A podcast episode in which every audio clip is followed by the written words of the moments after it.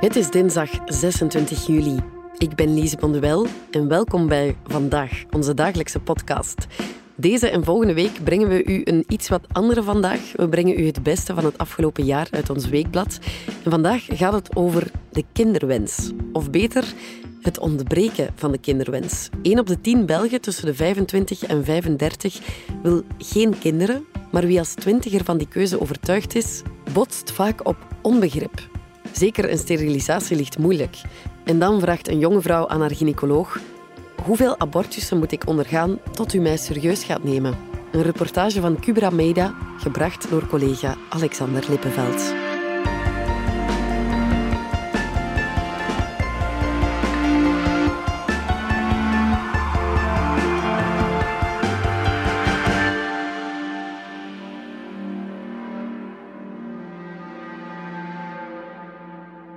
Wie wil nog een kind zetten op een stervende planeet? 1 op de 10 Belgen tussen de 25 en 35 wil geen kinderen. Wie als twintiger van die keuze overtuigd is, botst vaak op onbegrip. Zeker sterilisatie ligt moeilijk. Ik zei tegen mijn gynaecoloog: hoeveel abortussen moet ik ondergaan tot u mij serieus gaat nemen? We veroorzaken onze eigen vernietiging. Ik heb het gevoel dat ik al geen toekomstperspectief heb. Met welke realiteit zullen de kinderen dan geconfronteerd worden die nog geboren moeten worden? Voor Muntasir Kamal, een man van 24, is de angst voor een apocalyptische toekomst zo groot dat hij geen kinderen wil. Zelf groeide hij op in een groot gezin en ergens verlangt hij daar ook naar. Ik voel een vaderlijke drang maar ik mag me niet laten vangen door die gevoelens. Ik ben me erg goed bewust van de problemen waarmee we kampen: voedseltekort, overbevolking, dieren en planten die met uitsterven bedreigd zijn, de overstromingen van afgelopen zomer. Een kind op een stervende planeet zetten, dat heeft geen zin meer. Muntasir begrijpt niet waarom een kind krijgen niet vaker in vraag wordt gesteld. Hij heeft het gevoel alleen te staan met zijn voornemen.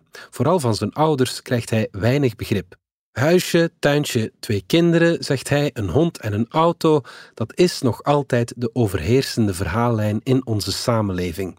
Als je daaraan voldoet, heb je het spel gewonnen. Mijn generatie kan de huidige huurprijzen van appartementen niet eens betalen, laat staan dat we een huis kunnen kopen.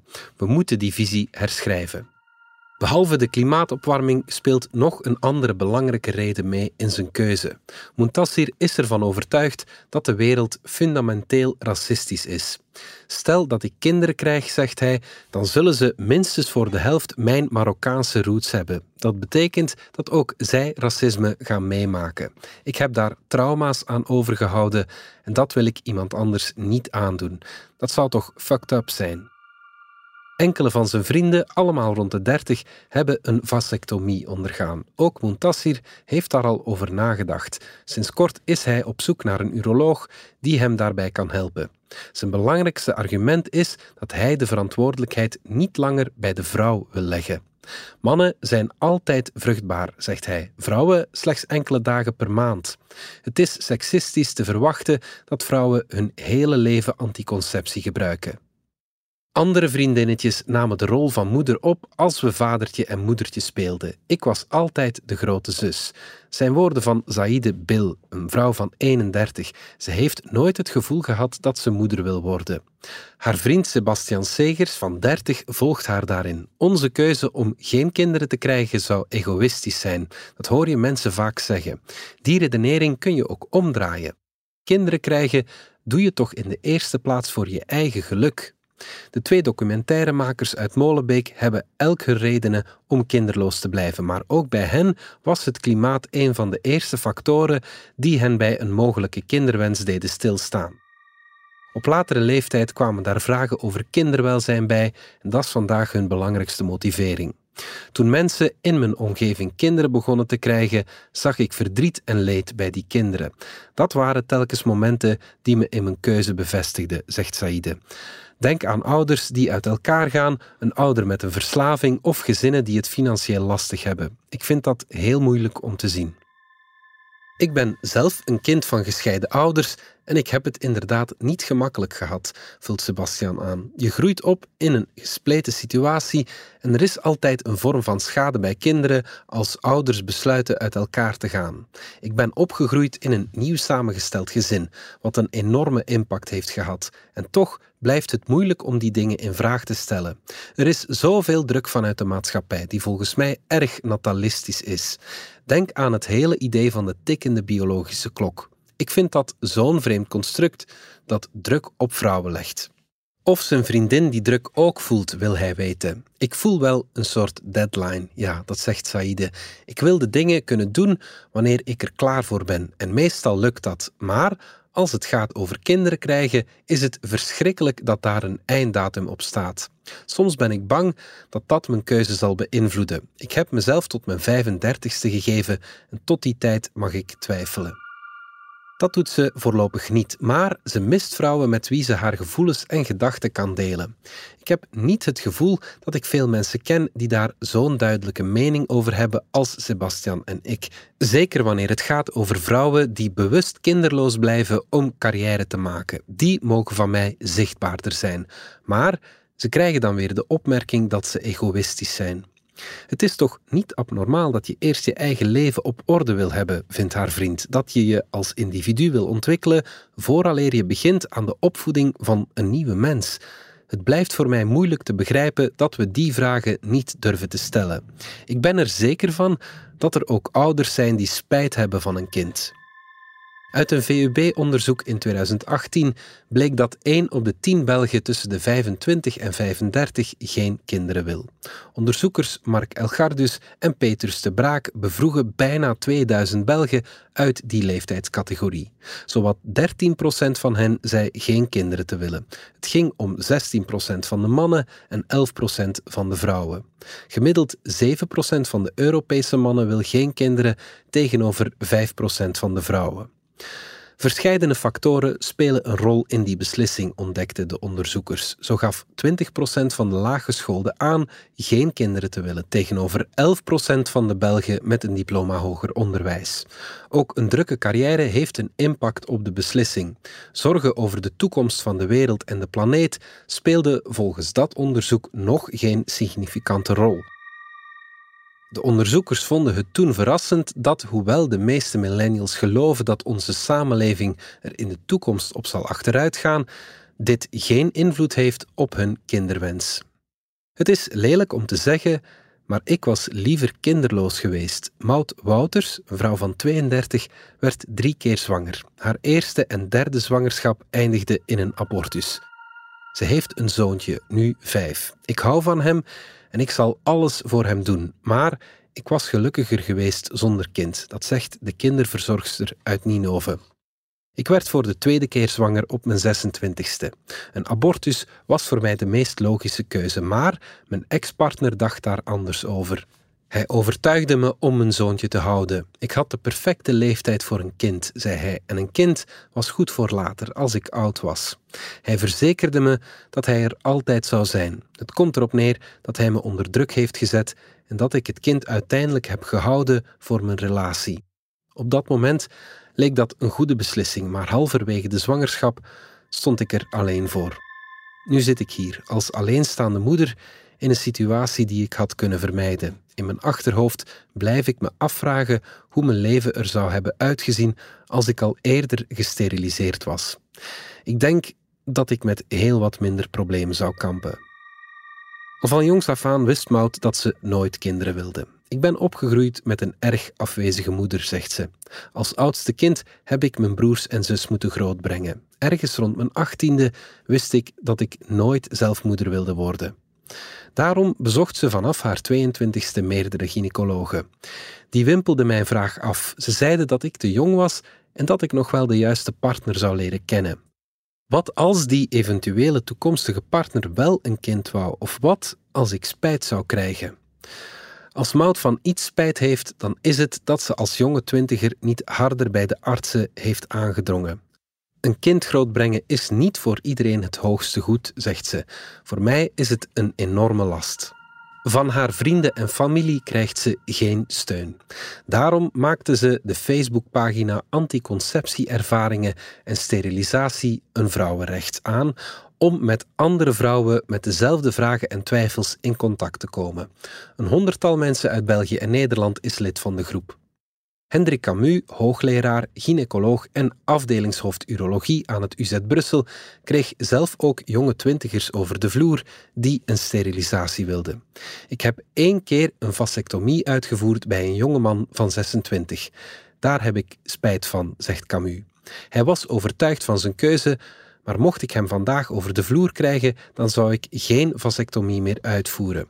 Ik heb respect voor de keuze van mensen die beslissen zonder kinderen door het leven te gaan. Maar ik vind dat er, zeker voor artsen, een verschil is tussen enerzijds respecteren, luisteren en adviseren en anderzijds effectief een sterilisatie uitvoeren bij een twintiger. Dat is me een brug te ver. Een twintiger is absoluut niet gesetteld en heeft een turbulent leven. Er kan nog verschrikkelijk veel gebeuren. Een partner kan je leven ook drastisch veranderen, waardoor je plots wel een kinderwens kan krijgen. We gaan er even uit voor wat reclame. Wil jij je passie omzetten in Lego-stenen? En wil je iets verwezenlijken? Met je eigen handen. Het plan uitvoeren, blad na blad, stap voor stap. Super gefocust. Je bent in het moment. En je ziet het voor je ogen groeien.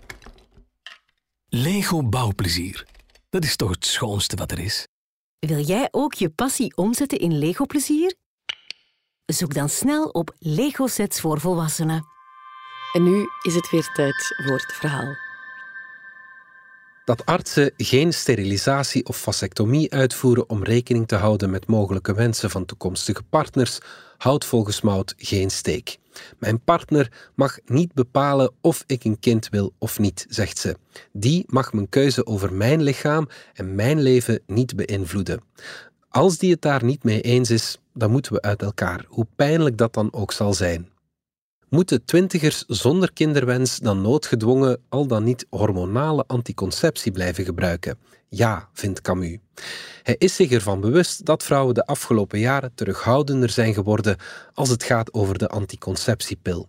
In 2013 gebruikte nog 54,2% van de vrouwen in België de pil. In 2018 was dat nog 48,1%. Dat is een drastische daling, al dus Camus. Maar er zijn alternatieven, zoals het koperspiraaltje met minder hormonale bijwerkingen of het condoom. Bespreek ook die mogelijkheden met je arts. Mout zegt dat ze fysieke en mentale bijwerkingen kreeg van de anticonceptiepil. Ze ging op zoek naar alternatieven, tevergeefs. Tweemaal liet ze een koperspiraaltje zetten, maar haar lichaam aanvaarde dat niet. En een condoom is niet betrouwbaar op het moment zelf. Ze vindt dat vrouwen te weinig de kans krijgen om zelf te beslissen op welke manier ze onvruchtbaar willen zijn. Dat geeft me de indruk, zegt ze, dat ons een kind wordt opgedrongen. Vijf jaar geleden, na de bevalling van haar zoontje, wist ze dat de situatie zich niet meer mocht herhalen. Ze drong nog eens op een sterilisatie aan. Ik zei tegen mijn gynaecoloog: Hoeveel abortussen moet ik eigenlijk ondergaan voor u me serieus gaat nemen? Hoeveel ongewenste zwangerschappen moet ik ervaren? Abortussen zijn traumatiserend, zegt ze. Ik wil dat niet nog eens meemaken. Net voor haar 28e verjaardag kreeg Maud uiteindelijk de sterilisatie waar ze al acht jaar om had gevraagd. Dat was een enorme opluchting, zegt Maud. De angst om nog eens ongewenst zwanger te raken is verdwenen. Mijn levenskwaliteit is erop vooruit gegaan. Intussen zit ze in een nieuwe relatie met een partner die haar keuze respecteert, al ligt ze er soms wakker van dat hij over enkele jaren van gedacht kan veranderen. Je weet nooit hoe het met een nieuwe partner zal zijn, herhaalt Camus. Als arts wil je niet verantwoordelijk gehouden worden voor de spijt die iemand kan krijgen. Dan kun je tegen je patiënt niet argumenteren dat het volledig zijn of haar eigen keuze was.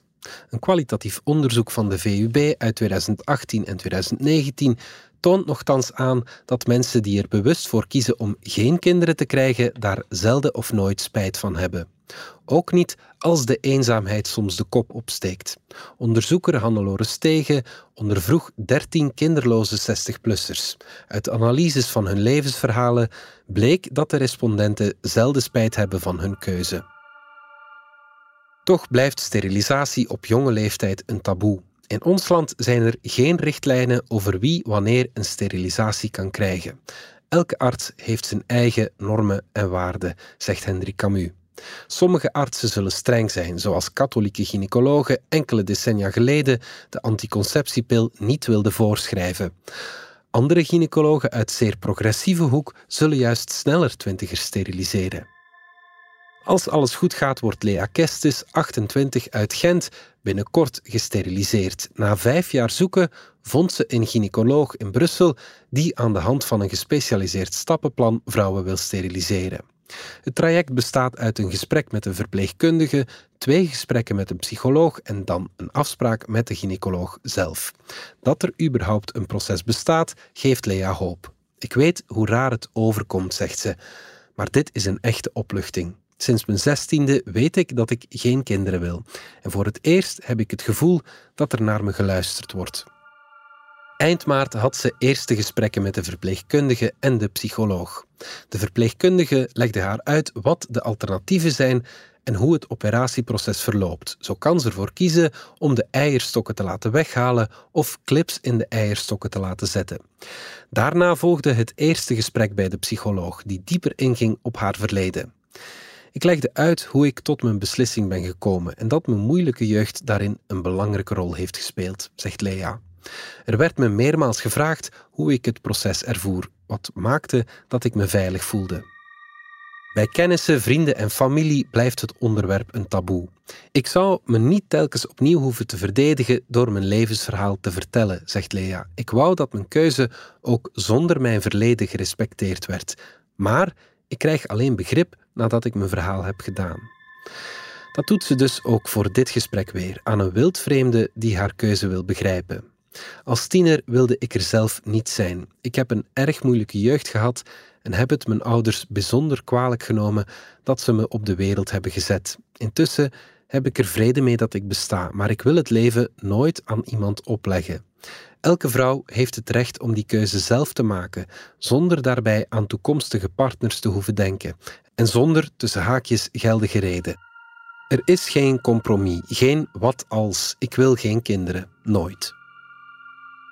Op 21 april stond haar tweede gesprek met de psycholoog gepland. Hoe lang het daarna duurt voor ze de beslissing van de gynaecoloog te horen krijgt, weet ze niet. Maar in afwachting van het besluit blijft ze hoopvol. Ondertussen werkt ze aan een opdracht die ze meekreeg van de psycholoog. Ze moet iets maken waarbij ze reflecteert over de betekenis van haar beslissing. Het wordt een brief aan haar 16-jarige zelf. Dit is zo'n lang hoofdstuk geweest in mijn leven, zegt Lea. En hopelijk is het bijna zover. Het is aan mijn 16-jarige zelf dat ik zal kunnen zeggen: we zijn er geraakt.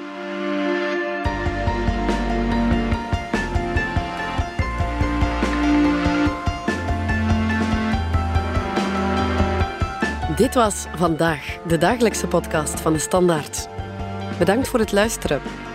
Alle credits van de podcast die je net hoorde vind je op standaard.be-podcast. Reageren kan via podcast.standaard.be. Morgen zijn we opnieuw.